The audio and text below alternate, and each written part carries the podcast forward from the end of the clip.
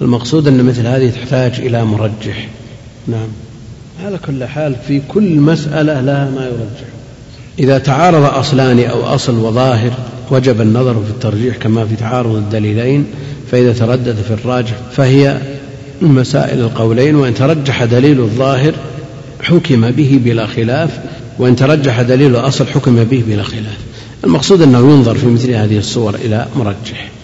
ما يترجح فيه الأصل جزما وما يترجح فيه الظاهر جزما الشهادة الشهادة ظاهر وليست هي الأصل.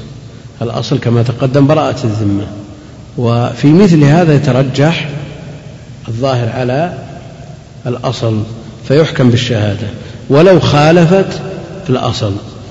ما يترجح فيه الأصل على الأصح وضابطه أن يستند الاحتمال إلى سبب ضعيف كما لو جرح صيدا وغاب ثم وجده ميتا أو وقع في بئر مثلا. الآن ترجح الأصل؟ جرح صيد وغاب. ثم وجده ميتا. هل موته بسبب الجرح أو بسبب آخر؟ قد يترجح الظاهر بنكاية الجرح في الصيد. إذا كانت قوية قلنا الذي يغلب على الظن أنه بسبب الجرح. وإذا كانت ضعيفة قلنا لا حينئذ نرجح الأصل. ومثل هذا لو وقع في بئر فالذي يغلب على الظن أن موته غرقا. ما ترجح فيه الظاهر على الأصح بأن كان السبب قويا كمن شك في شيء مؤثر في الصلاة آه، كترك ركن بعد انقضائها فلا أثر له لأن الظاهر انقضاء العبادة على الصحة. هنا أيضا تعارض أصلين. تعارض أصلين وليس المراد بذلك تقابلهما من كل وجه وإنما بحسب ما يلوح للمجتهد. لو رأى طائر فقال لزوجته إن لم أصد هذا الطائر اليوم فأنت طالق. ثم اصطاد في ذلك اليوم طائرا من فصيلته من جنسه. رأى طائرا فقال لزوجته إن لم أصد هذا الطائر اليوم فأنت طالق. ثم غاب عنه فاصطاد في ذلك اليوم طائر. الآن عندنا تردد في أصلين لأنه جهل هل هذا الطائر هو الذي حلف عليه أو غيره؟ ففي وقوع الطلاق التردد لتعارض الأصلين. الأصل بقاء النكاح والأصل عدم اصطياد الطائر الذي علق عليه النكاح. ورجح النووي عدم الوقوع. الآن عندنا أصلان. الأصل بقاء النكاح والأصل أن الطائر ما صيد الذي حلف عليه. يعني وقع الشك فيه وفي غيره. فتردى عندنا تعارض أصلين ورجح النووي عدم الوقوع. الأصل بقاء النكاح وارتفاعه مشكوك فيه. ارتفاعه مشكوك فيه. نعم. قصد يصيد هذا الطائر. لا لا لا يريد هذا الطائر لم أصد هذا الطائر. هذا قصد. كيف؟ نيته وش؟ نعم يقصد الطائر بعينه هو يقول أنا أقصد هذا الطائر بعينه لم أقصد هذا الطائر. ها؟ هل يا إمام؟ تعارض الظاهرين. إذا أقرت المرأة بالنكاح وصدقها المقر بالزوجية المقر له صدقها بالزوجية. أقرت المرأة بالنكاح وصدقها المقر له بالزوجية. يقول فالجديد قبول إقرار لأن الظاهر صدقهما فيما تصادق عليه. والقديم إن كانا بلديين طولبا بالبينة. لمعارضة هذا الظاهر بظاهر آخر البلديين يعرف حالهما غالبا ويسهل عليهما إقامة البينة. يعني الأصل النكاح وعدم النكاح. في هذه الصورة بدون بينة. يوجد شخص معه امرأة قال زوجتي. نعم. لا هو ما ثبت النكاح ببينة ثم شككنا فيما يطرأ عليه من فراق الآن ما بعد ثبت الأصل النكاح. يقول إذا قرت المرأة بالنكاح وصدقها المقر بالزوج المقر له بالزوج. هذا ظاهر. يعني كونها زوجة ظاهر. وكونه في بلد لا إقامة البين يعني ما معه دفتر عائلة يثبت أنها زوجته. والأصل أنه لو كان هناك لا أثبت الظاهر أنه لابد من إثباته فتعارض عندنا ظاهرا. والمرجح الثقة بالرجل وعدم الثقة به. يعني لو وجدت رجل ظاهره الاستقامة يرجح أن تكون زوجته. إذا كان الرجل موقع شبهة وفي موقع ريبة مثلا ودلت القرائن ولو لم تكن قوية على أنه على أنها دعوة كثير فإنه حينئذ لا يصدق إلا بالبينة. شو؟ لا ليست من هذه القاعدة. لا لا.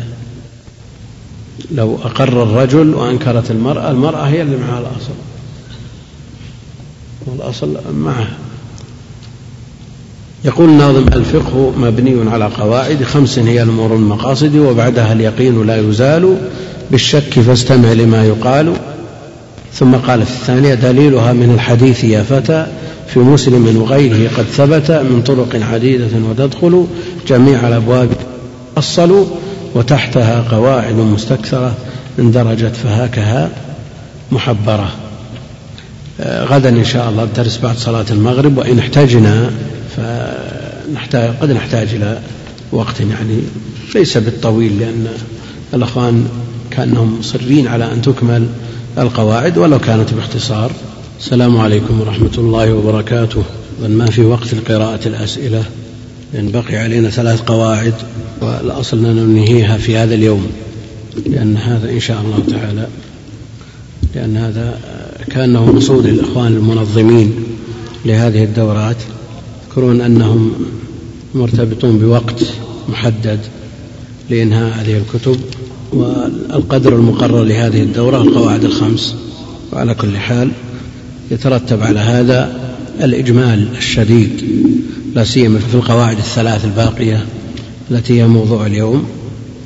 لعلنا نأتي على مقاصد هذه القواعد من غير خلل ظاهر وإلا فالخلل لا بد منه مع قصر المدة. الحمد لله رب العالمين وصلى الله وسلم وبارك على عبده ورسوله نبينا محمد وعلى آله وصحبه أجمعين. أما بعد فالقاعدة الثالثة المشقة تجلب التيسير. المشقة تجلب التيسير.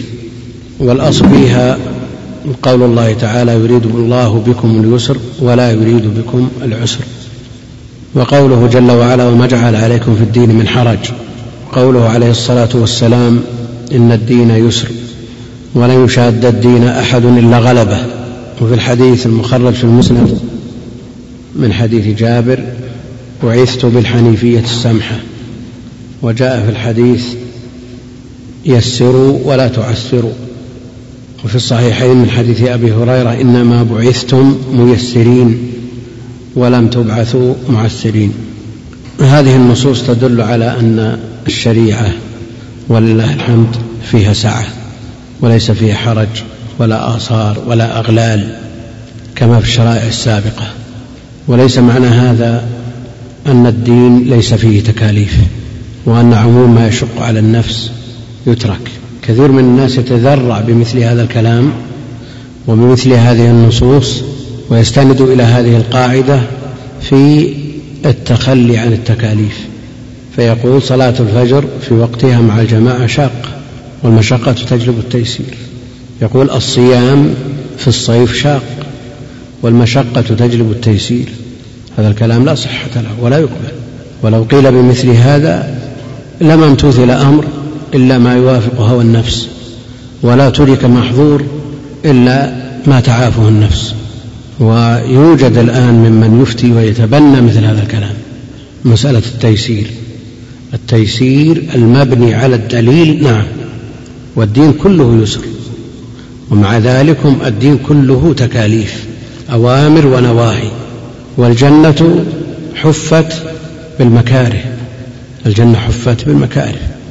والتكليف معناه إلزام ما فيه كلفة.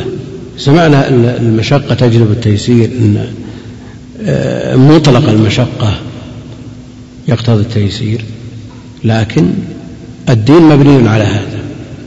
يعني ما عندنا آثار وأغلال التوبة لا تقبل إلا بقتل النفس. عندنا مثل هذا؟ لا.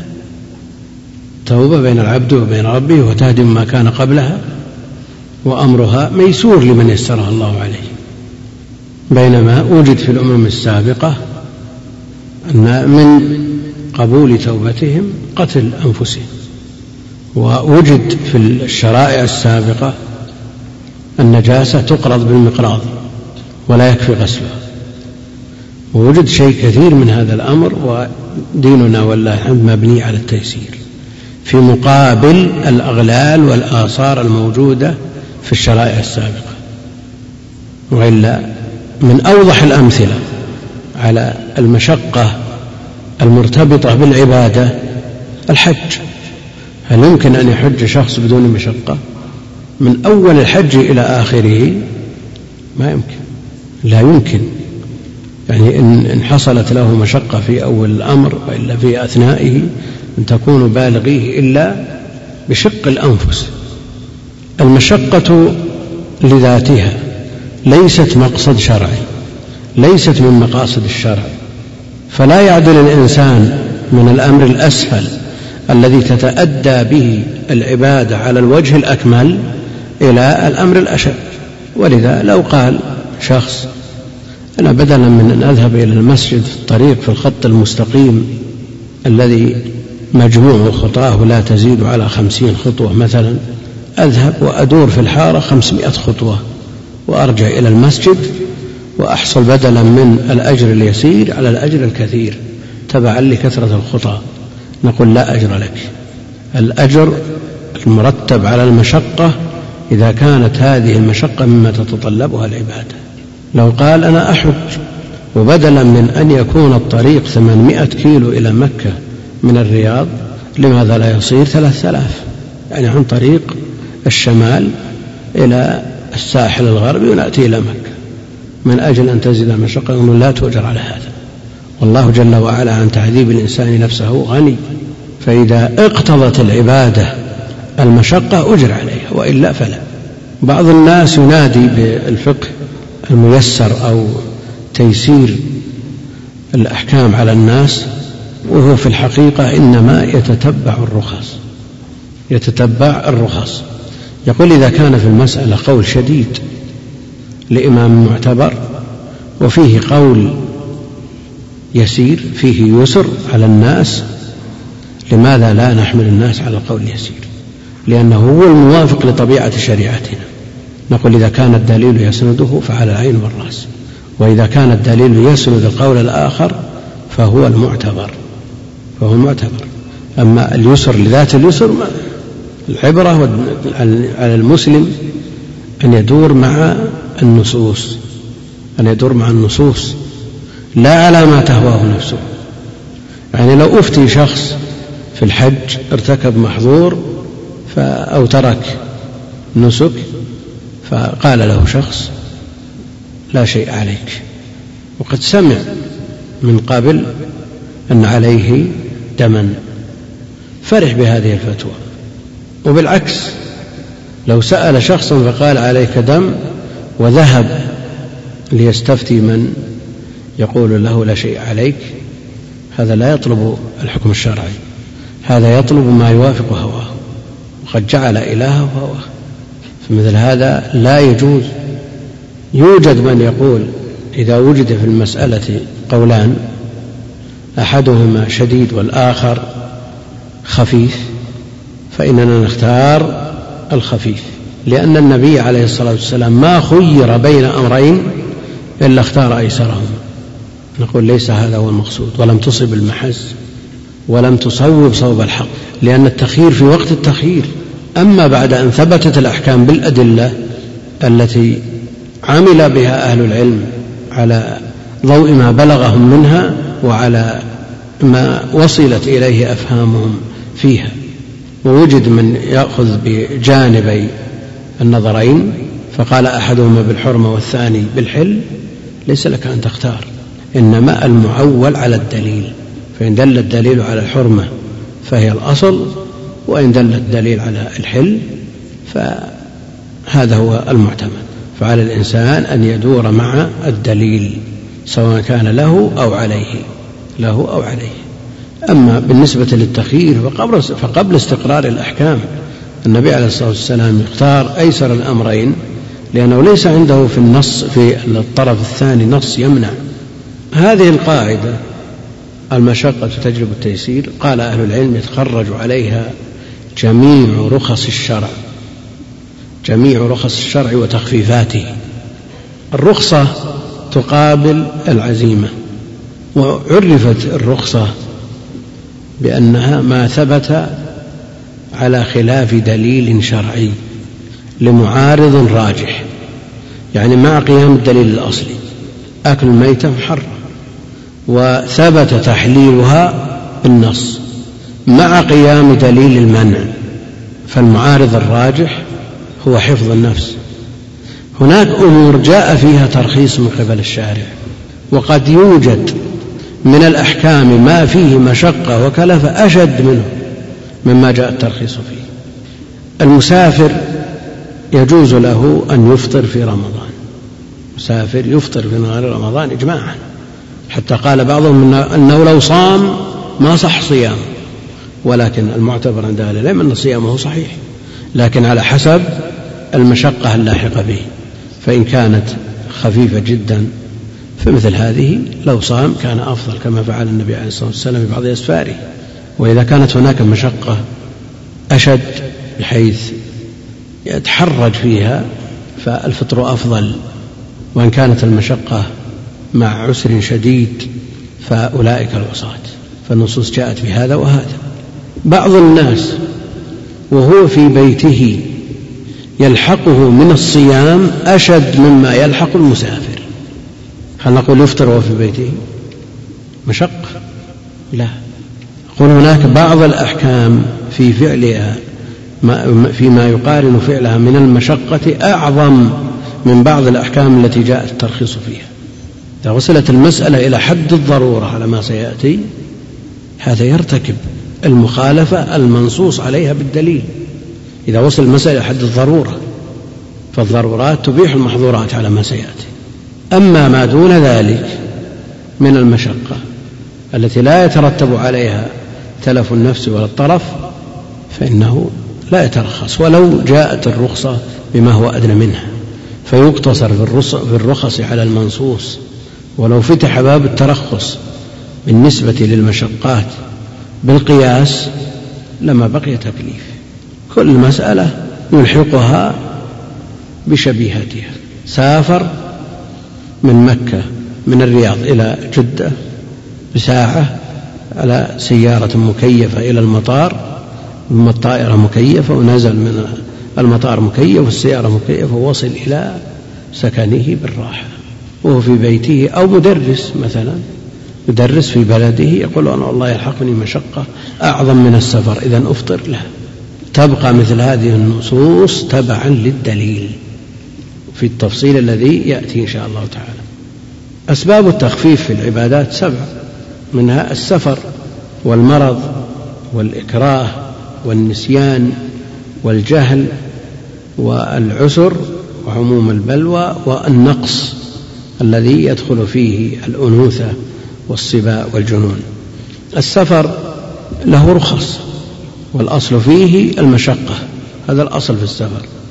لكن قد يسافر الإنسان سفر لا مشقة فيه فالوصف المؤثر الذي علقت عليه الأحكام هو السفر بغض النظر عن المشقة.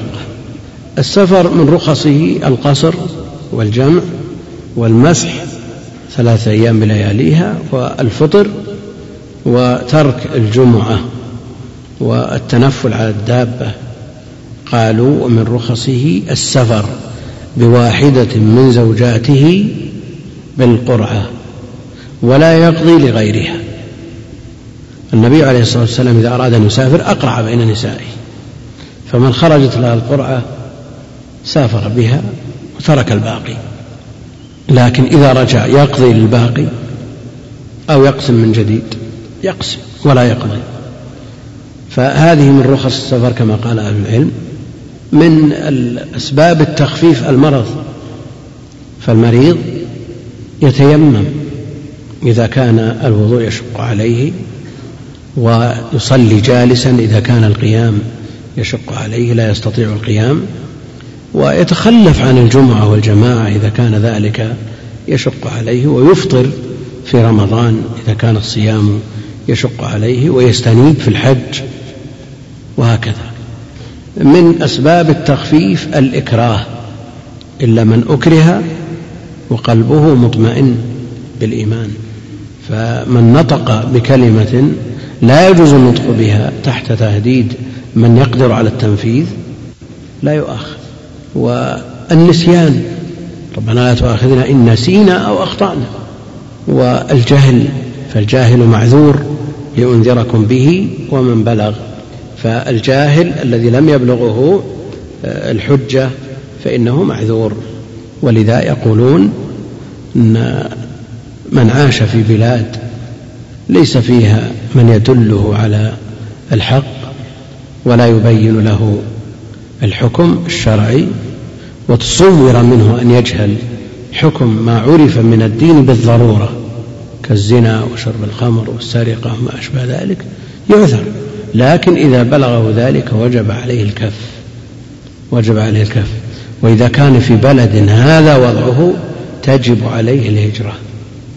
تجب عليه الهجرة ولا يجوز له أن يبقى في مثل هذا البلد. قالوا من ذلك العسر وعموم البلوى. فيما يتعلق بالجهل والعذر بالجهل مسألة كبرى عند أهل العلم منهم من لا, من لا يعذر مطلقا لأنه ما يتصور جاهل بعد أن انتشرت هذه الوسائل التي تسمع الناس في الشرق والغرب القرآن على حد سواء. ولكن الجهل متصور الجهل متصور. فبلوغ الحجة لا بد منه وفهم الحجة لا بد منه بالنسبة لمن ينطق بغير لغة الكتاب والسنة. العاجم لا بد أن يفهم الحجة يشرح لهم بلغاته. وفي حكمهم من كان من العرب من لا يفهم. يوجد في عوام المسلمين لو تقرأ عليه أوضح آية في القرآن ما فهم المراد منها. ما لم يكن الأمر مما يزاوله في محيطه وبيئته. ويعرفه من خلال المعاشرة. يعني من عوام المسلمين وهذا قصة حاصلة. قصة حاصلة. شخص أكره ابنته على الزواج من شخص لا ترتضيه. فأكرهها وأجبرها وقيل له فاستدل بقول الله جل وعلا ولا تكرهوا فتياتكم على البغاء إن أردنا تحصنا. ومن يكرههن فإن الله من بعد إكراههن غفور رحيم. يقول أنا أريد هذه المغفرة. تقول ما أبغيه لا لازم تبغيه يعني مثل هذا يكفي أن يلقى عليه مثل هذا الدليل. هذا في حكم العاجم أشد من العاجم. ففهم الدليل فهم الحجة. ممن يتصور منه عدم الفهم كالأعجمي ومن في حكمه لابد أن يفهم. أما زوال المانع من قبول الحجة فلا زوال المانع من قبول الحجة بلغته الحجة ويفهم الحجة لكن مع ذلك لديه مانع من قبولها. تقول له الطواف بالقبر حرام شرك. ويقول لكم قناعاتكم لي قناعاتي أنتم تقتدون بمشايخ وأنا أقتدي بمشايخ. يعني منذ أن عرفنا أنفسنا وشيوخنا يفعلون هذا والناس يعظمونهم واستفاض فضلهم ومعرفتهم وتبرأ الذمة بتقليد منهم. فهل مثل هذا المانع يشترط زواله لا يشترط زواله ولم يشترطه أحد. وإلا لكان مشركو العرب في الجاهلية معذورين لأنهم تبعوا آباءهم واقتدوا بآبائهم. وجد المانع من قبول ما قاله النبي عليه الصلاة والسلام كان خيرا ما سبقونا إليه. لأنهم يعتقدون في آبائهم وهؤلاء المبتدع يعتقدون في مشايخهم ومتبوعيهم والضلال كثيرا ما يحصل بسبب هذا. العسر وعموم البلوى قالوا من, من النواقض الإعراض التام عن تعلم الدين لا يتعلمه ولا يرفع به رأسا ذكروا هذا من النواقض. فالعسر وعموم البلوى كالصلاة مع النجاسة المعفو عنها مثل السلس من حدثه دائم سلس بول أو استحاضة وما أشبه ذلك وأيضا الاستجمار يصلي وأثر النجاسة باقي والجمع في المطر والبرد الشديد يسوغ للعسر والمشقة الشديدة لأن له أصلا في الشرع لا لذاته. يعني لو كان من به سلس مثلا أو استحاضة لأن السلس حكمه حكم الاستحاضة. الحدث الذي لا ينقطع الدائم حكمه حكم الاستحاضة. يعني ما عندنا دليل على أن الاستحاضة مثلا لو قدر أنه ما عندنا دليل على أن الاستحاضة تصلي والدم آه، ينزل منها. لو لم يكن عندنا دليل قلنا أنها تبذل الجهد وتستفرغ الوسع في إيقاف هذا الحدث. لكن عندنا الدليل أن تصلي على حاله. وكذلك من به العذر مثل عذرها كالسلس سلس البول والريح ومن به جرح لا يرقى وغير ذلك. قالوا من ذلك وهو السابع النقص.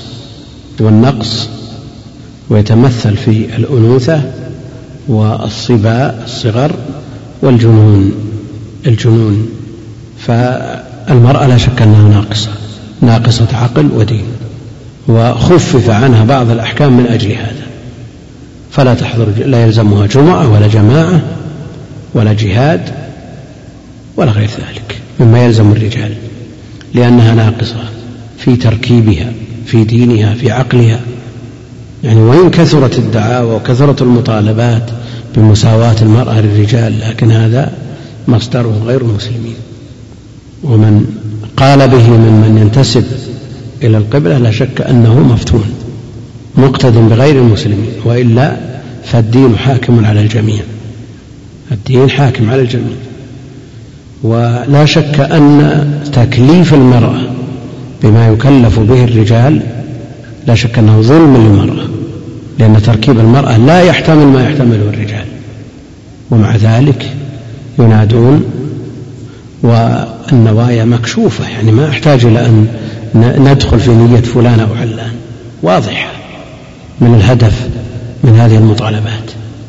الصبا أيضا الصبي الصغير لا يحتمل ما يحتمله الرجال فرفع عنه القلم حتى يبلغ وكذلك المجنون حتى يفيق.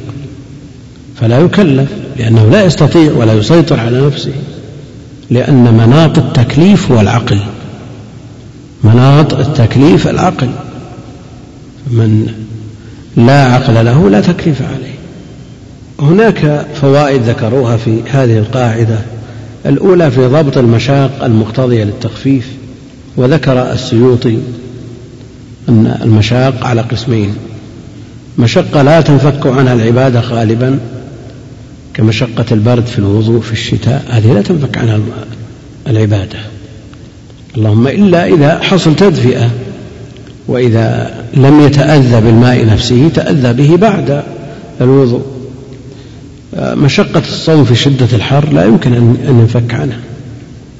شدة الحر وطول النهار مشقة السفر هذا في الأصل أن السفر ملازم للمشقة. مشقة ألم الحدود يعني لو قيل أن الزاني المحصن يرجم والقاعدة الشرعية المشقة تجلب التيسير. المشقة تجلب التيسير إذا كانت الحجارة الكبيرة تشق عليه ينظر إلى شيء صغير لا يشق عليه هذا لا يرد. هذه مشقة ملازمة لهذه العبادة. وإقامة الحدود في الأرض من أعظم العبادات. لا أثر لهذه المشقة في إسقاط هذه الأحكام. مشقة تنفك عنها العبادات في الغالب وتنفك عنها العبادات لكنها قد توجد. لكنها قد توجد وتوجد لبعض الناس دون بعض. يعني ليست ملازمة لكل من تعبد بهذه العبادة. وهذه المشاق متفاوتة. منها المشقة الفادحة العظيمة كالخوف على النفس والأطراف. فهذه موجبة للتخفيف. ومنها الخفيفة مشقة خفيفة تلحق بفلان دون غيره وليست ملازمة لأصل العبادة إنما لظرف من الظروف شق عليه أن يصلي في الصلاة في وقتها. هذه مشقة لا لا أثر لها ولا التفات إليها. لأن ليست عظيمة فادحة تلحق بالأولى. العظيمة الفادحة لا شك أنها تجلب التيسير. لكن ما دونها لا أثر له في العبادة ولا التفات إليه الفائدة الثانية من الرخص ما يجب. الأصل العزيمة. لكن الرخصة قد تجب كأكل الميتة للمضطر والفطر لمن خشي الهلاك وما يندب منها ما يجب ومنها ما يندب كالقصر في السفر والفطر مع المشقة والإبراد بصلاة الظهر إذا اشتد الحر ومنها ما يباح قالوا كالسلم. السلم رخصة. قالوا لأنه على خلاف الأصل. على خلاف الأصل. شيخ الإسلام ابن القيم يقرران أن كل ما جاء به دليل صحيح فهو على الأصل. هو على الأصل لأنه دل الدليل الصحيح الصريح على اعتباره. فالدليل أصل لكن الجمع والقصر رخص العزائم. نعم. الأصل التوقيت والأصل الإتمام. الأصل التوقيت الصلاة مؤقتة بأوقات ثبتت بها الأحاديث الصحيحة. فجر لها وقت أول وآخر الظهر له وقت والعصر له وقت وهكذا. هذا الأصل. لكن الجمع على الأصل أو على خلاف الأصل على خلاف هذا الأصل وإن دل له أصل آخر. على الخلاف بين أهل العلم في الأصل في القصر والإتمام أيهما الأصل؟ هل الأصل القصر أو الأصل الإتمام؟ في حديث عائشة فرضت الصلاة ركعتين ركعتين فأقرت صلاة السفر وزيد في الحضر فالأصل على هذا القصر.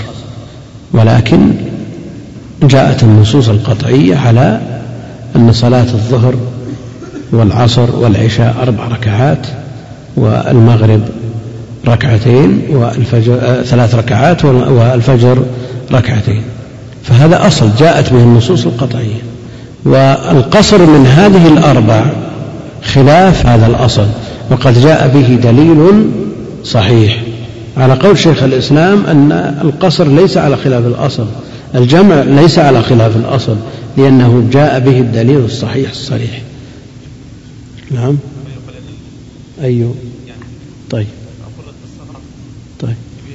لا هو الكلام في, في الأصل يعني الأول المتقدم منهما الأصل في الصلاة أنها هكذا. لا هو ليس بأصل في الحضر. ما هو بالنزاع في الحضر. يعني صلاة السفر. إذا نظرنا إلى الأصل إلى الأصل في الصلاة جمعة جملة الظهر والعصر والعشاء.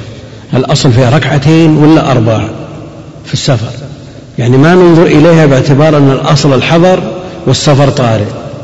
فإذا قلنا أن الأصل الحضر نعم قلنا الأصل أربع ركعات والسفر طارئ ركعتين. ولذا لو تردد في جواز القصر وعدمه نرجع إلى الأصل الذي هو أربع ركعات. إذا بطلت صلاة في السفر أو نسي صلاة في السفر وذكرها في الحضر أو العكس قالوا يغلب جانب الحظر لأنه هو الأصل وهو الأحوط. المقصود مثل هذه المسائل لو تسلسلت ما انتهت وعندنا ثلاث قواعد لا بد من إنهاء ما يمكن منها. ومنها خلاف الأولى كالجمع والفطر في السفر لمن لا مشقة عليه ومنها ما يكره منها ما يكره. مثلوا لما يكره بالترخص برخص السفر في أقل من ثلاث أقل من ثلاث. يعني السفر المعتبر عند الجمهور مسيرة يومين قاصدين يعني مرحلتين ثمانين كيلو. والثلاث قيل به. فللخروج من هذا الخلاف نعم كره الترخص في أقل من مئة وعشرين كيلو مع أنه قيل بيوم واحد أربعين كيلو. المقصود أن مثالهم هذا قد لا يسلم لهم. تخفيفات الشرع أنواع سبعة تخفيف إسقاط كإسقاط الجهاد بالعذر يعني لا إلى بدل تخفيف نقص كقصر الصلاة من أربع إلى ركعتين تخفيف إبدال كالغسل والوضوء بالتيمم وتخفيف تقديم كالجمع وتقديم الزكاة على الحول وتخفيف تأخير كالجمع جمع التأخير وتأخير صيام رمضان للسفر والمرض وتخفيف ترخيص كصلاة المستجمر وشرب الخمر للغصة وتخفيف تغيير كتغيير صلاة الخوف. هذه أنواع التخفيف في الشرع. القاعدة الرابعة قالوا الضرر يزال. الضرر يزال. أصلها قوله عليه الصلاة والسلام لا ضرر ولا ضرار. لا ضرر ولا ضرار. وهذا الحديث أخرجه الإمام مالك في الموطأ عن عمرو بن يحيى عن أبيه مرسلا. وأخرجه الحاكم في المستدرك والبيهقي والدار قطني من حديث أبي سعيد. وأخرجه ابن ماجه من حديث ابن عباس وعبادة بن الصامت. قال النووي في الأربعين وله طرق يقوى بعضها ببعض. قال ابن رجب في شرحه وهو كما قال وهو كما قال فالحديث لا شك أنه له أصل. وقال ابن الصلاح هذا الحديث أسنده الدار قطني من وجوه ومجموعها يقوي الحديث ويحسنه وقد تقبله جماهير أهل العلم واحتجوا به. ويشهد له حديث أبي صرمة عن النبي صلى الله عليه وسلم قال من ضار ضار الله به ومن شاق شاق الله عليه. خرجه أبو داود والترمذي وابن ماجه وقال الترمذي حسن آه، غريب. وحديث أبي بكر مخرج عند الترمذي بإسناد ضعيف عن النبي عليه الصلاة والسلام قال ملعون من ضار مؤمنا أو مكر به. وجاء في القرآن النهي عن الضرر في قول الله جل وعلا لا تضار والدة بولدها. ولا مولود له بولده. وإذا فككنا الإدغام ماذا يكون اللفظ تضارر أو تضارر. فالضرر لا يجوز من الجهتين من الطرفين لا يجوز. وهذا من أقوى الأدلة على هذه القاعدة. نعم. هذه إذا قلنا أن الراء ليست مضاعفة مشددة. من الضير. من الضير لا من الضرر. صح ولا لا؟ يعني إذا فككنا الإدغام ينتج عندنا حرفين. إذا كانت إذا كانت من الضرر لا بد من رأين وإذا كانت من الضير فراء واحدة. ولا يمكن أن يكون جزم إلا إذا كانت من الضير. أما إذا كانت من الضرر براءين فلا بد من التشديد. والتشديد عبارة عن حرفين أحدهما ساكن والأول الأولهما ساكن والثاني متحرك. قال ابن رجب رحمه الله وقوله صلى الله عليه وسلم لا ضرر ولا ضرار. هذه الرواية في الصحيح ضرار بغير همزة.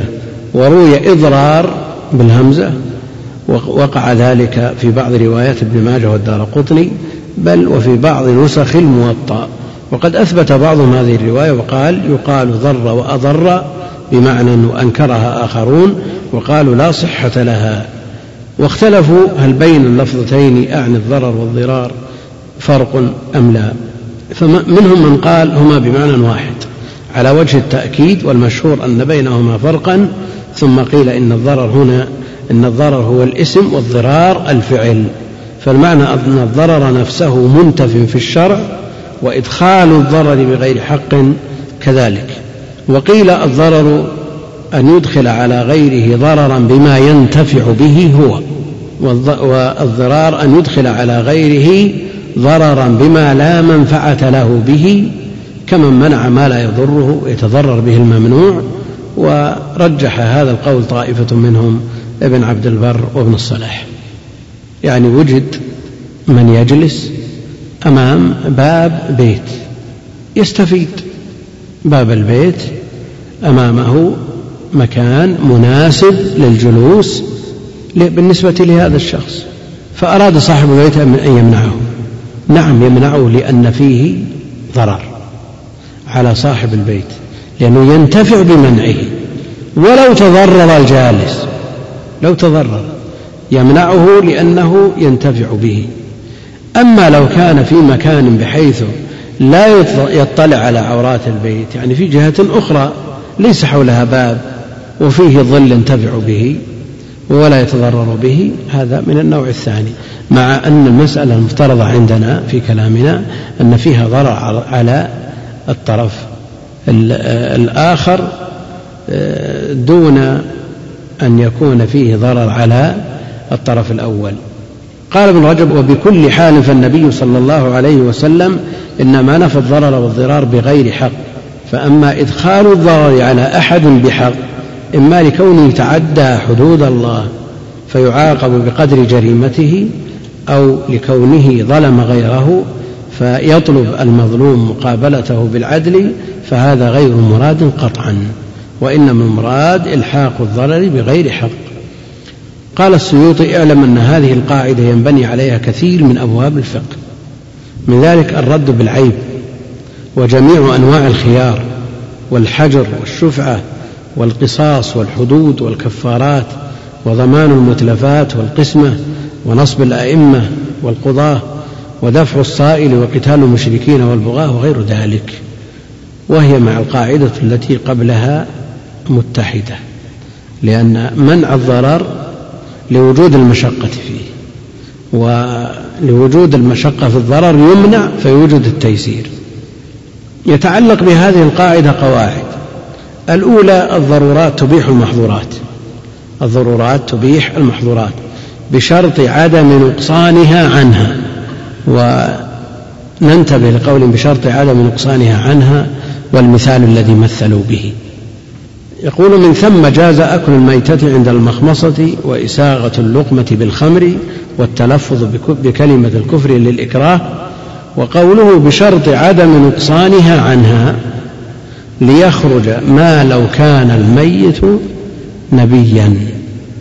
فإنه لا يحل أكله للمضطر لأن حرمته أعظم في نظر الشرع من مهجة المضطر. مثل غريب ولا ليس بغريب؟ قوله بشرط عدم نقصانها عنها ليخرج ما لو كان الميت نبيا فإنه لا يحل أكله للمضطر لأن حرمته أعظم في نظر الشرع من مهجة المضطر. الآن يمكن تصور ولا ما يمكن؟ نعم. يعني شخص أشرف على الهلاك بجواره قبر نبي والله جل وعلا حرم على الأرض أن تأكل لحوم الأنبياء. متصور ولا غير متصور؟ الميت يسلك كل مسلك لإنقاذ حياته. متصور غير متصور؟ يعني لما يسمع الإنسان في أول الأمر يقف. كيف يؤتى بمثل هذا المثال؟ نعم. والله المستعان. ويخرج ما لو أكره على القتل أو الزنا فلا يباح واحد منهما بالإكراه لما فيهما من المفسدة التي تقابل حفظ مهجة المكره أو تزيد عليها. أما القتل فلا يجوز له بحال أن يفدي نفسه بغير الله. يعني وجود هذا ما هو بأولى من وجود هذا في نظر الشارع. فليس له أن يقدم على قتل أحد ولو أدى ذلك إلى قتله. الزنا يقول جمع من العلم أنه لا يتصور الإكراه على الزنا بالنسبة للرجل. لا يتصور الإكراه على الزنا. لماذا؟ لأنه لو أكره لم ينتشر. فلا يتصور الإكراه فيه مع أن بعضهم يتصور ذلك. يتصور ذلك. ومن المسائل النادرة امرأة تسأل تقول إنها فيها مس فيها جن. فيها جن وهذا الجن لا يمكنها من الصلاة حتى يقع عليه. ها؟ متصور. لا يمكنها حتى يقع عليه. فهل نقول اترك الصلاة لأنك عاجزة؟ أو نقول ارتكاب أخف الضررين؟ نقول ابذل الأسباب على أن تصلي وإذا عجزت عن ذلك فأنت معذورة. ولا يجوز لها أن تمكنه من نفسها. قالوا ويخرج ما لو أكره على القتل أو الزنا فلا يباح واحد منهما بالإكراه لما فيهما من المفسدة التي تقابل حفظ مهجة المكره أو تزيد عليها. وما لو دفن بلا تكفين فلا ينبش. يعني دفن عاري بلا تكفين فإنه حينئذ لا ينبش. فإن مفسدة هتك فإن مفسدة هتك حرمته أشد من عدم تكفينه الذي قام الستر بالتراب مقامه. الثانية ما أبيح للضرورة يقدر بقدرها. نعم. إيه. لا هم لو لو لو كف بكفن مغصوب قالوا ينبش على كل حال تم ستره بالتراب ونبش فيه ما فيه. الحمد لله الأمر فيه ساعة إن شاء الله. ما أبيح للضرورة يقدر بقدرها ومن فروعها المضطر. لا يأكل من الميتة إلا قدر سد الرمق. يعني لا يشبع إنما يأكل منها بقدر آه، ما تقوم به الحياة. من استشير في خاطب اكتفى بالتعريض ولم يعدل إلى التصريح. اللهم إلا إذا لم يكفي التعريض. لكن لابد من التصريح فيكتفى بقدر الحاجة منه.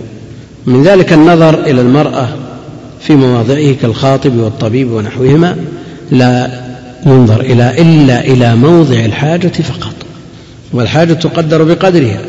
من ذلك تعدد الجمعة لعسر الاجتماع في مكان واحد. الأصل أن إقامة جمعة في بلد واحد في أكثر من موضع لا تجوز. ولو قام أكثر من جمعة فالأولى هي الصحيحة والثانية باطلة. لكن إذا تعسر اجتماع الناس في مكان واحد يقدر بقدره. إن كفى ثاني لا يجوز إحداث ثالث. إن كفى ثالث لا يجوز إحداث رابع. وهذا خلاف ما عليه الناس اليوم من التوسع الشديد. الحي الواحد في خمسة جوامع ستة جوامع. يعني لو اكتفي بجامع واحد في كل حي كبير يشمل الناس ويستوعبهم هذا هو الأصل. المراتب قالوا خمس ضرورة وحاجة ومنفعة وزينة وفضول. فالضرورة ما لا تبقى معه حياة أو ما يقرب من ذلك وهذا يبيح تناول الحرام المنصوص عليه. الحاجة تبقى معها الحياة مع المشقة فهذا لا يبيح الحرام المنصوص عليه بالدليل. قد يبيح ما تتناوله بعض القواعد العامة من فروع تبيح بعض الحاجة لأنها ليست منصوصة كما نص على ذلك بعض أهل العلم. المنفعة كالذي يشتهي خبز البر ولحم الغنم هذا في منفعة. وقد يكون هذا النوع أنفع له يسمونها منفعة. الزينة كالمشتهي للكماليات كالحلوى وما أشبهه. والفضول التوسع بأكل ما فيه شبهة والمكروهات الذي يؤدي إلى تناول الحرام. وما جاز لعذر بطل بزواله كالتيمم بوجود الماء قبل الدخول في الصلاة فإنه يبطل. نعم. القواعد فيه في مسائلهما أو في صورهما شيء من التداخل. فيهما شيء من التداخل. ويأتي إشارة إلى هذا. آه، الثالثة الضرر لا يزال بالضرر. الضرر لا يزال بالضرر لأن مقتضى زواله بالضرر القضاء المبرم على القاعدة من أصلها. إذا قلنا أن الضرر يزال بضرر آخر نعم وقع الضرر الذي يجب زواله. ولذا هذا هذا الكلام بأذن. قالوا في القاعدة الثالثة الملتحقة بهذه القاعدة الأصلية الضرر يزال. قالوا الضرر لا يزال بالضرر. وذكرنا أن إزالته بضرر آخر يقضي على القاعدة من أصلها. فالقيد لا بد منه في أصل القاعدة. الضرر يزال لا بضرر. بل هو مفهوم من من إطلاقها. فإذا أزلنا الضرر بضرر آخر فإننا في الحقيقة لم نزل الضرر فالضرر باقي. فلا يأكل المضطر طعام مضطر آخر. يعني زيد مضطر للطعام ومع عمل طعام هو مضطر إليه بجملته بقدره بقدر حاجته إليه. فلا يجوز لزيد أن يتعدى على عمرو ولو أدى ذلك إلى هلاكه. نعم. إيش فيه؟ الكلام على الضرر. الضرر ما يزال الضرر.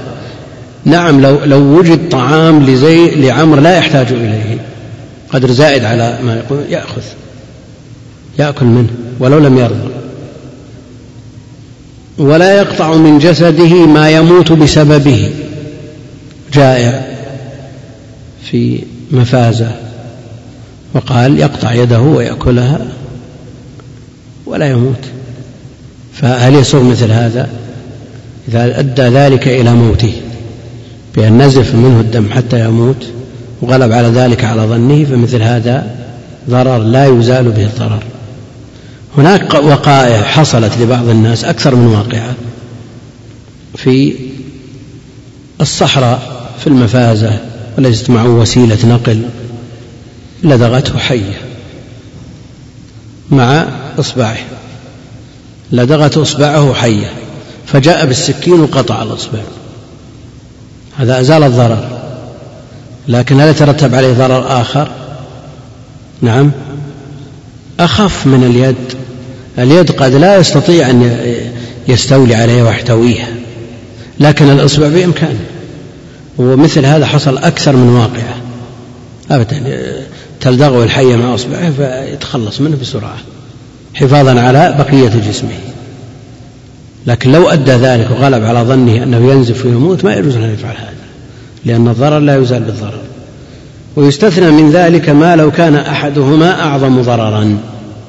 ما لو كان أحدهما أعظم ضررا. وينشأ من ذلك قاعدة رابعة وهي ما إذا تعارض مفسدتان روعي أعظمهما ضررا بارتكاب أخفهما بارتكاب أخفهما.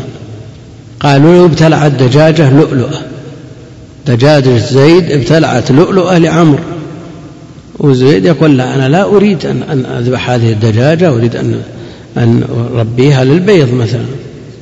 لكنها ابتلعت لؤلؤة في أضعاف أضعاف قيمتها. هذا ما يقر عند أهل العلم بارتكاب أخف الضررين. آه، ترتب على الحامل مضرة بالغة بالأم. نعم مثل هذا يسقط. إذا كانت المضرة بالغة بالأم بحيث لا تستطيع متابعة الحمل مثل هذا يجوز إسقاطه. أيضا لو ماتت المرأة وفي بطنها حمل يشق بطنها ويستخرج هذا الحمل الحي. نعم وإن كان فيه ضرر بالنسبة للأم لأن حرمة المسلم ميتا كحرمته حيا. ونظيرها قاعدة خامسة وهي درء المفاسد مقدم أو أولى من جلب المصالح. درء المفاسد أولى من جلب المصالح. فإذا تعارض مفسدة ومصلحة قدم دفع المفسدة غالبا. غالبا لأن التخلية كما يقولون قبل التحلية. ومثل هذه الإطلاقات لهذه القواعد إنما هو في الجملة في العموم وإلا قد يوجد مصلحة ومفسدة. مفسدة يسيرة ومصلحة عظيمة. تكون المفسدة مغمورة في جانب المصلحة فترتكب. فليست هذه القواعد على إطلاقها. وإذا تعارض مفسدة والمصلحة قدم دفع المفسدة غالبا لأن اعتناء الشرع بالمنهيات أشد من اعتنائه بالمأمورات. ولذلك آه، قال عليه الصلاة والسلام إذا أمرتكم بأمر فأتوا منه ما استطعتم. وإذا نهيتكم عن شيء فاجتنبوه. المنهيات ليس فيها خيرة وليس فيها استثناء. أما بالنسبة للمأمورات فيها شيء من ذلك. آه، شيخ الإسلام رحمه الله يقرر أن ترك المأمور أعظم من فعل المحظور. يعني القاعدة التي ذكرناها مقتضاها أن ارتكاب المحظور أعظم من ترك المأمور. هذا مقتضاها. شيخ الإسلام رأيه رحمه الله أن ارتكاب المحظور أخف من ترك المأمور. وحجته في ذلك أن معصية آدم ترك مأمور ومعصية إبليس ارتكاب آه، إيش؟ نعم ترك مأمور. معصية إبليس ترك مأمور وهو السجود. ومعصية آدم ارتكاب محظور. نعم. هذا ما يقرره شيخ الإسلام لكن لا لا يقال بإطلاق لا هذا ولا هذا. بل ينظر إلى المأمور المراد تركه والمحظور المراد ارتكابه. فإذا كان المأمور من الأمور العظيمة والمحظور أقل منه وأخف لا شك أن كلام شيخ الإسلام متجه. وإذا كان بالعكس فكلام الأكثر والجمهور متجه. لكن إذا تساوتا فالحديث إذا أمرتكم بشيء بأمر فأتوا منه ما استطعتم وإذا نهيتكم عن شيء فاجتنبوه. يرجح في قول الجمهور. أما إذا كان في طريقه إلى صلاة الجماعة صلاة الجماعة واجبة. نعم. في طريقه للمسجد بغي وعلى رأسها ظالم لا بد أن تقع عليها. تترك مأمور ولا ترتكب محظور؟ تترك مأمور تصلي في البيت. لماذا؟ لأن المحظور أعظم من هذا المأمور. في طريقك إلى المسجد منكر خفيف يعني شباب تأمرهم بالصلاة ويتراخون يستجيبون أو لا يستجيبون. تقول أنا لا أريد أن أمر مع هذا الطريق الذي فيه هؤلاء العصاة.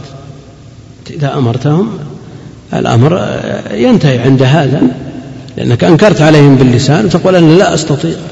أن أحضر إلى مكان أو أمر بمكان فيه منكر. نقول لا ترك المأمور في هذه الحالة أعظم من ارتكاب هذا المحظور. نعم. وهو في طريقه إلى إيش؟ أنت في طريقك إلى المسجد ويوجد شخص يريد أن يتعرض لامرأة في طريقك بل تعرض لها وأركبه هل تترك الجماعة وتتبعه وتفرق بينهما؟ نعم لأن هذا منكر يفوت. هذا الأمر يفوت لا بد من المبادرة فيه. هذه القاعدة التي درء المفاسد أولى من جلب المصالح ترجع في حقيقة في آخر الأمر إلى التي قبلها ارتكاب خف الضررين. هناك قاعدة سادسة يمكن إرجاعها إلى القاعدة الأصلية الحاجة تنزل منزلة الضرورة عامة أو خاصة. الحاجة تنزل منزلة الضرورة. يعني لا في بعض الأمور التي مشقتها عظيمة فادحة يرتكب فيها بعض المحظور وتجلب التيسير كالضرورة التي لا تبقى معها الحياة التي لا تبقى معها الحياة.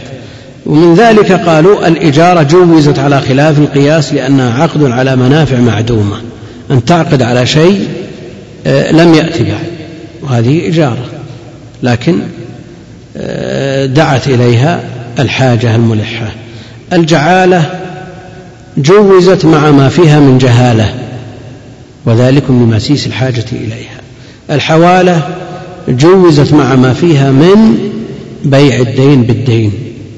ومثل هذه الأمور هل المرد فيها وارتكاب مثل هذا الضرر هل مرده إلى وجود الحاجة أو لوجود النص؟ لوجود النص. ولذلك قد يوجد ما هو أشد من هذه الأمور ولا ترتكب المخالفة بسبب عدم وجود النص. ونرجع إلى ما قلناه في أول الدرس. القاعدة الخامسة العادة محكمة. العادة محكمة. وأصلها ما يروى مرفوعا ما رآه المسلمون حسنا فهو عند الله حسن. يستدلون في كتب القواعد بهذا الحديث. يقول العلاء لم أجده مرفوعا في شيء من كتب الحديث أصلا ولا بسند ضعيف بعد طول البحث وكثرة الكشف والسؤال وإنما هو من قول عبد الله بن مسعود موقوفا عليه. خرجه الإمام أحمد في مسنده كذا قالوا في كتب القواعد. ويقول السخاوي في المقاصد الحسنة حديث ما رآه المسلمون حسنا فهو عند الله حسن رواه أحمد في السنة. ووهم من عزاه للمسند من حديث أبي وائل عن ابن مسعود. وقال العجلوني في كشف الخفاء هو موقوف حسن. وأخرجه البزار والطيالسي والطبراني وأبو نعيم في الحلية والبيهقي في الاعتقاد عن ابن مسعود أيضا. يقول آه، شارح النظم يقول يمكن الاستدلال لها بآية آه، كذا ساق الآية ومن يتبع غير سبيل المؤمنين كذا ساقها والآية كما في سورة النساء ومن يشاقق الرسول من بعد ما تبين له الهدى ويتبع غير سبيل المؤمنين نوله ما تولى ونصله جهنم وساءت مصيرا. يقول المحشي على شرح القواعد وجه الاستدلال أن السبيل معناه الطريق وسبيل المؤمنين طريقتهم التي استحسنوها وقد أوعد الله سبحانه وتعالى بالعقاب والعذاب على من اتبع غير سبيلهم فدل على أن اتباع سبيلهم واجب فالعادة التي استحسنوها إذن معمول بها شرعا والعادة هي كل ما اعتيد حتى صار يفعل من غير جهد كل ما اعتيد حتى صار يفعل من غير جهد والحالة تتكرر على نهج على نهج واضح أو نهج واحد كعادة الحيض في مرأة في آه، كعادة الحيض بالنسبة للمرأة وجمعها عاد وعادات وعوائد. يقول السيوطي اعلم أن اعتبار العادة والعرف رجع إليه في الفقه في مسائل لا تعد كثرة لا تعد كثرة فمن ذلك سن الحيض والبلوغ والإنزال وأقل الحيض والنفاس والطهر وغالبها وأكثرها وضابط القلة والكثرة في الضبة والنجاسات المعفو عن قليلها كل هذا مرده إلى العرف وإلى العادة. طول الزمان وقصره في موالاة الوضوء يرجع فيه إلى العرف. آه، سجدة السهو إذا آه، نسيها وقام ترك مصلاه يقول إذا طال الفصل لا يسجد هذا مرده إلى العرف. لا يقدر بزمن محدد وإنما ما عد في العرف طويلا فهو طويل وما عد في العرف قصيرا فهو قصير. وبين الإيجاب والقبول إذا قال بعتك ثم بعد مدة قال اشتريت. إذا طال الفصل عادة فإنه لا بد من تجديد الإيجاب ومرد ذلك على العرف. السلام مرده إذا قال السلام عليكم ثم بعد ذلك بعد مدة قال وعليكم السلام. إذا طال الفصل لم يحصل به آه، امتثال الأمر. الحرز في الصدقة في الحرز في السرقة. الحرز في السرقة مرده إلى العرف.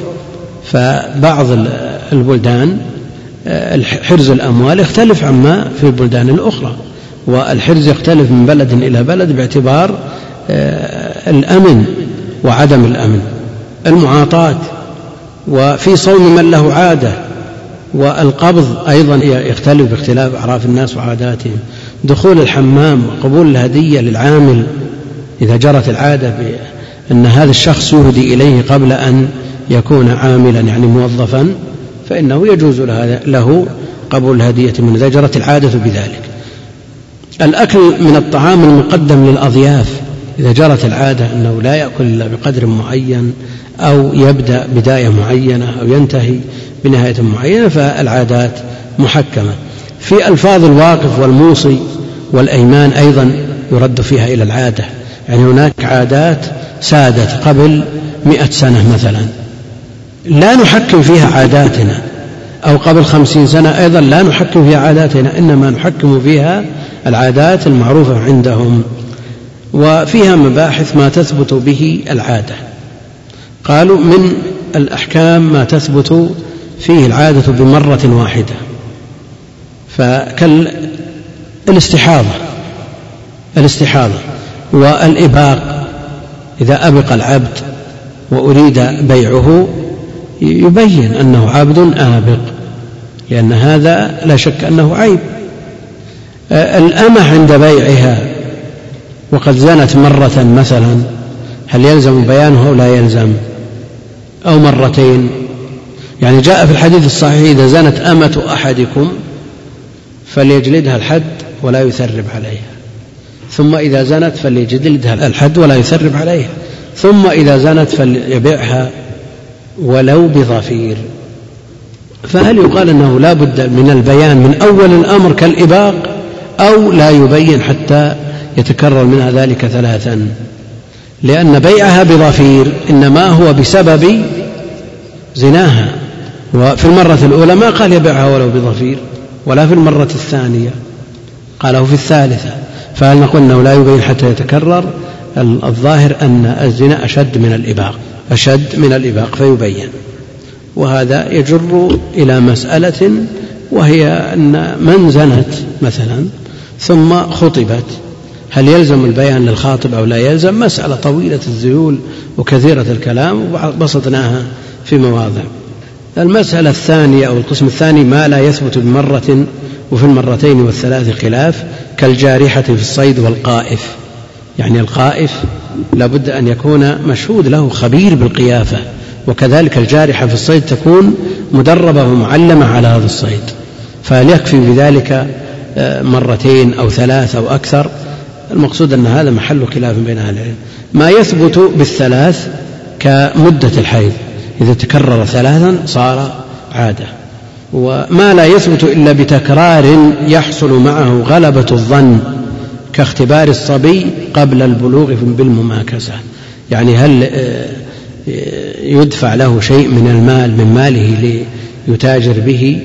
فإذا اختبر وعرف أنه يحسن المماكسة ويحسن التجارة بعد دربة طويلة وبعد آه، تعاهده في هذا الأمر مرارا آه، لا شك أنه يحتاج إلى آه، نظر متكرر. ولا بد أن تضطرد العادة فإن اضطربت فلا. فإن باع بدراهم وأطلق نزل على الغالب على النقد الغالب. لو قال اشترى لو أن شخصا من اليمن اشترى من شخص قطري مثلا أو سعودي سلعة بمئة ريال بمئة ريال. وعند مطالبة المشتري بالدفع قال والله اشتريت بريال يمني قال لا أنا اشتريت بريال بريال قطري أو سعودي مثلا. يؤخذ بقول من؟ أو دينار هذا عراقي وهذا كويتي مثلا. البون شاسع؟ أو ليرة هذا سورية وهذا بون كبير يعني.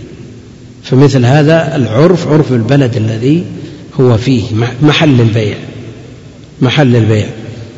فلو اضطربت العادة يعني وجد في هذا البلد أكثر من عملة بهذا الاسم متفاوتة ويباع فيها بهذه العملات على حد سواء لا بد من البيان وإلا يبطل البيع. المدارس الموقوفة على درس الحديث أو التفسير أو الفقه وغيرها يعني وقفت على تدريس الحديث مثلا. هل يدخل في هذا المصطلح؟ يدخل في دراسة الأسانيد؟ يدخل فيه آه، مناهج محدثين؟ أو غير ذلك مما يتعلق بعلوم الحديث؟ أو يقتصر فيه وقفت على على أهل الحديث يقتصر فيه على كتب السنة فقط. وقل مثل هذا في التفسير والفقه وما أشبه ذلك. المسألة المسألة عرفية. فإن كان عرف البلد يدخلون هذه العلوم في الجملة لا بأس. هناك ما يقع فيه التعارض بين العرف مع الشرع والعرف مع اللغة والعرف العام والخاص لأن الحقائق ثلاث حقيقة عرفية وحقيقة لغوية وحقيقة شرعية. فإذا تعارضت هذه الحقائق فماذا نصنع؟ تعارضت الحقيقة العرفية مع الحقيقة الشرعية. نعم كيف؟ يعني لابد من مرجح. إذا تعارض العرف مع الشرع يقولون نوعان أن لا يتعلق بالشرع حكم فيقدم عليه عرف الاستعمال يقدم عليه عرف الاستعمال. إن حلف أن لا يجلس على بساط فجلس على الأرض. يحنث ولا ما يحنث؟ لا يحنث لماذا؟ الله جل وعلا سمى الأرض بساط. هذه حقيقة شرعية بساط لكنها ليست بحقيقة عرفية. لكن لما كانت التسمية لا يترتب عليها حكم شرعي قدمت الحقيقة العرفية. إذا جاء إذا حلف أن لا يجلس تحت سقف. نعم. وجلس تحت السماء. نعم. نعم. الله جل وعلا سماها سقف. حينئذ لا يحنث لأن تسميتها سقف لا يترتب عليه حكم شرعي. وقل مثل ذلك لو قال لا يجلس على في ضوء سراج لم يحنث في جلوسه في ضوء الشمس وإن سماها الله سراجا. أن يتعلق به حكم فيقدم على عرف الاستعمال. نكمل بعد الصلاة. ها؟ مثل المحروم. مثلا المحروم يتعلق به حكم شرعي. تدفع له الزكاة. لكنه حقيقة في الحقيقة الشرعية يختلف عن الحقيقة العرفية. فيقدم الحقيقة الشرعية.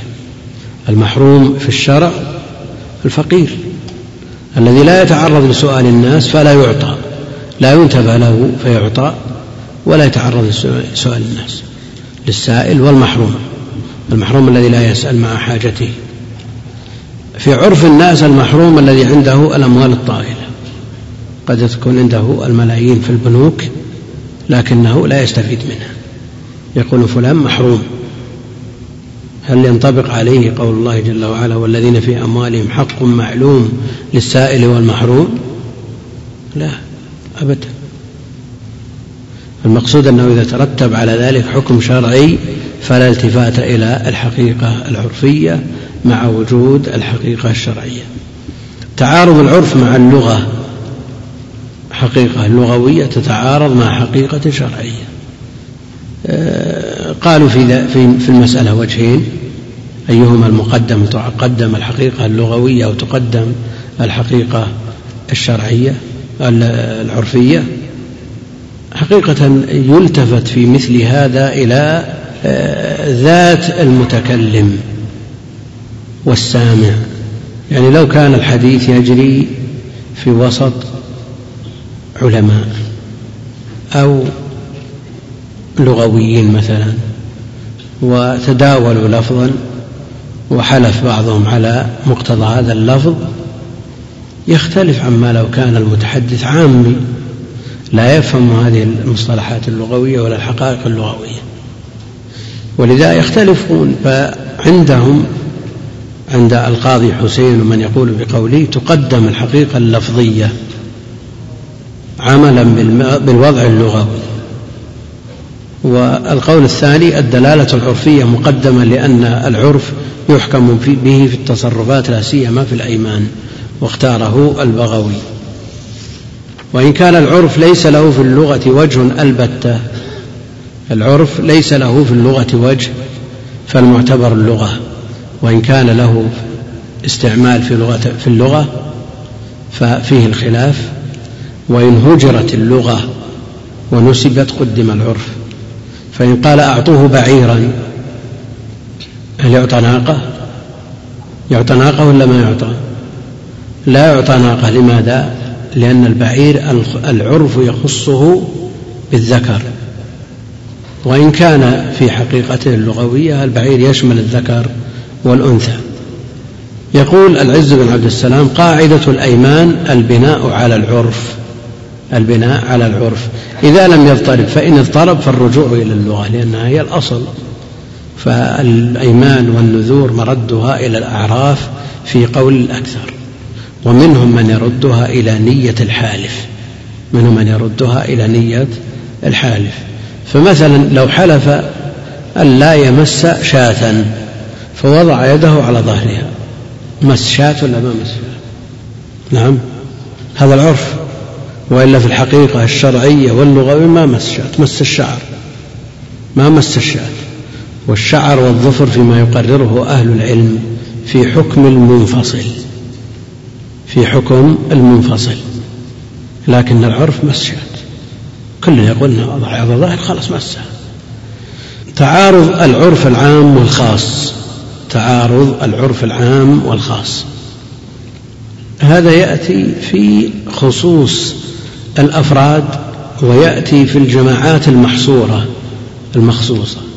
لو تعارض عرف العلماء عامة مع عرف الفقهاء يعني حقيقة معروفة عند العلماء بجميع من من جميع الفنون.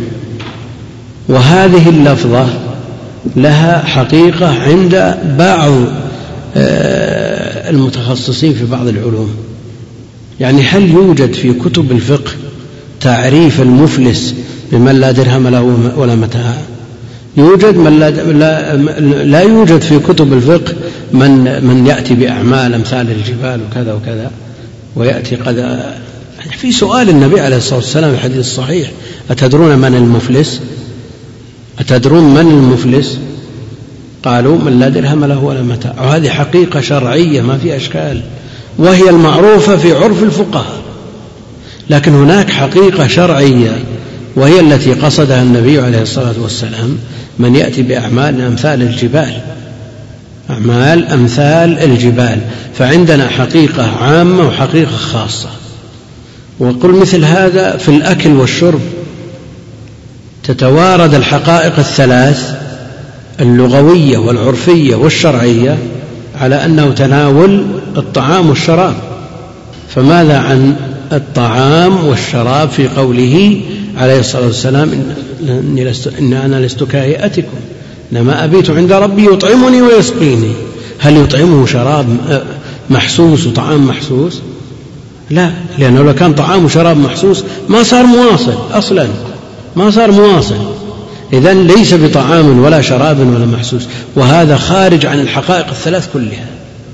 ومع ذلك نقول إنه حقيقة شرعية لأنه جاء على لسان الشرع فالطعام والشراب له حقيقتان في عرف عموم الناس هو الأكل والشرب في, في, في لغة العرب هو الأكل والشرب في العرف الشرعي هو الأكل والشرب الحقيقي الذي يفطر الصائم هذا في العرف الشرعي أيضا لكنه في عرف خاص إنما أبيت عند ربي يطعمني ويسقيني يقدم لو حلف مثلا أن لا يأكل أو حلف أن يأكل. مثلا حلف أن يأكل أو حلف أن لا يأكل يحنث بالأكل والشرب المتعارف عليه عرفا عاما لا عرفا خاصا. يقول ضابطه أنه إن كان محصورا لم تؤثر كما لو كانت امرأة في الحيض أقل تحيض أقل مما استقرت من عادات النساء ردت إلى الغالب لأن عرف خاص محصور لا يؤثر لكن وقيل تعتد عادتها أو تعتبر عادتها وهذا كأنه هو الأصح. فهم مثلوا بهذا المثال يعني امرأة لها عادة خاصة من بين سائر النساء. نعم هل تقدم على العادة المضطردة لجميع النساء؟ ما المانع أنها إذا كانت ترى الدم مدة معينة أقل مما تحيضه النساء أو أكثر ما لم يصل إلى شطر الدهر. نعم. فإنها تعتده لأن الأحكام رتبت على رؤية الدم. نعم. إذا آه، نعم. رتبت هذه الأحكام على رؤية الدم وقد رأته. وهو دم الحيض الموصوف بصفاته الشرعية. والتمثيل بالعرف العام والخاص الذي ذكرناه أولا أولى وأوضح. المبحث الثالث العادة المضطردة في ناحية هل تنزل عادته من منزلة الشرط؟ إذا تعارف الناس في بلد أن من اقترض رد أكثر. يعني تعود الناس في هذا البلد ما فيه ولا واحد يقترض ألف إلا يرد ألف ومئة هل ينزل هذا منزلة الشرط ولا يجوز حينئذ القرض ولا تجوز الزيادة؟ أو نقول هذا من حسن القضاء كما فعل النبي عليه الصلاة والسلام. ينزل منزلة الشرط. إذا لم يتخلف لا شك ينزل منزلة الشرط. يعني نقول مثل هذا في مسألة الزواج بنية الطلاق التي على جوازها جمهور أهل العلم. لو عرف أهل بلد من البلدان أن هؤلاء الناس من هذه البلاد إنما يذهبون لتلك البلاد للزواج بنية الطلاق ويجزمون جزم يحلفون عليه أنهم لن يستمروا في هذا الزواج. لأن عادتهم مضطردة. يذهبون أفواج في الإجازات ويرجعون بدون زوجات. يذهبون بنية الطلاق. إذا عرفوا بالعادة المضطردة صار متعة. يعني كأنه مشترط. إذا كان لا يتخلف. وينتبه لمثل هذا لأن بعض الجهات عرف. صاروا يجزمون أنه إذا جاءوا حتى لو يعرفون أشخاص بأعيانهم. عرف عن هذا الشخص أنه يأتي في كل سنة لهذا البلد يتزوج ويطلق. هذا مثل الشرط. يعرف أهل البنت أنهم أنه لن يستمر معها المبحث الرابع قالوا العرف الذي تحمل عليه الألفاظ إنما هو العرف المقارن السابق دون المتأخر. المقارن يعني بالكلام المقترن بالكلام. ما هو بالعرف الذي اندرس؟ ولا العرف الذي أتى بعد. لو وجدنا وصية مكتوبة من خمسين سنة. مكتوبة من وصية من خمسين سنة فيها لفظ. نعم. أو شرط اشترطه الواقف أو قيد في وصيته. عندنا ما نبحث عنه نسأل عنه ما يمكن يأتي يبطل الوصية في عرفنا. لكنه قبل خمسين سنة كان يستعمل على غير هذا الوجه اللي نستعمله ولو بحثنا عنه في كتب اللغة لوجدنا معناه غير معنى ثالث فهل نحكم اللغة أو نعمل بما نفهمه أو نعمل بما في وقت المتكلم؟ نعم في وقت المتكلم ولذلك يحتاج إلى بعض الكتب لأن بعض الناس ألف في كلمات انقضت واندرست في مجلدين. بعض الناس يقول هذا ضياع وقت هذا ضياع وقت وهذا ترف وهذا ليس من من مما يستفاد منه تضييع وقت هذا. للمؤلف وللقارئ نقول لا يحتاج من هذه الكتب تفسير ألفاظ تأتي في الأوقاف وفي الوصايا وفي عقود الناس المبرمة قبل خمسين سنة اندرست لكنها موجودة في هذا الكتاب. والكتاب موجود بهذا الاسم كلمات انقضت مطبوع في مجلدين يستفاد منه في هذه المسألة. آه، مسألة مهمة جدا وهي عند المالكية عمل أهل المدينة. حينما لا يعمل الإمام مالك رحمه الله تعالى بحديث صحيح لأنه مخالف لعمل أهل المدينة. هل نقول أن الإمام مالك يقدم العادة والعرف على النص؟ نعم. يعني مثلا صيام الست. ثبت به الحديث الصحيح. من صام رمضان وأتبعه ستا من شوال إلى آخره. الإمام مالك يقول ما رأينا أحد من أهل العلم والفضل يصومها. ولذلك لا تشرع عنده. بل بدعة. صرحوا بأنها بدعة. هل نقول أن الإمام مالك قدم العادة والعرف عند أهل المدينة على النص؟ ما في شك أن, أن, أن الإمام مالك وهو في كل باب من أبواب الموطأ يقول هو الذي عليه العمل عندنا أو ليس عليه العمل في آه، عندنا. لا شك أنه يقصد أهل المدينة؟ وهذا أصل عنده من الأصول.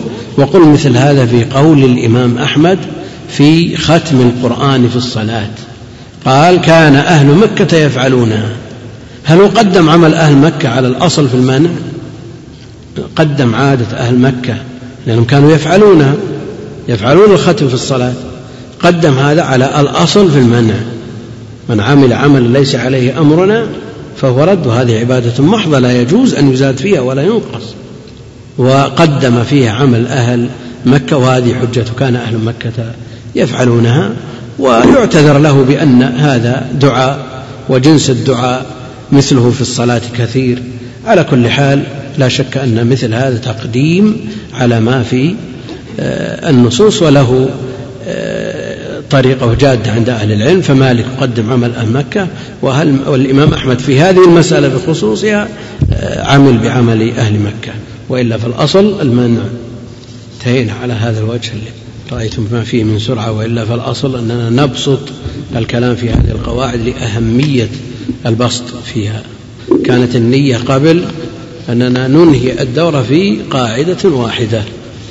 ولا ولا تنتهي لكن نرجو أن يكون في هذه القواعد درس ثابت.